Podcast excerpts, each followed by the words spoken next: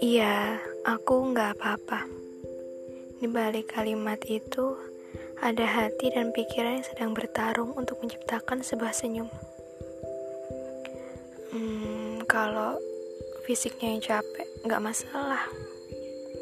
Tapi kalau hatinya yang capek, hmm, masalah mungkin ya. Karena kalau hatinya capek, otomatis fisiknya juga ikutan capek. Seluruh anggota badan jadi nggak enak. Mau ngapa-ngapain nggak enak. Mau makan nggak enak. Mau tidur juga nggak nyenyak. Mau minum juga ya nggak enak. Ya nggak enak aja gitu rasanya. Kayak hampa ngerasain apa? Semuanya serba nggak enak di hati juga hampa. Nggak tau lah. Kalau badannya yang capek istirahat bentar aja udah hilang capeknya. Tapi kalau hati yang capek gimana cara istirahatinnya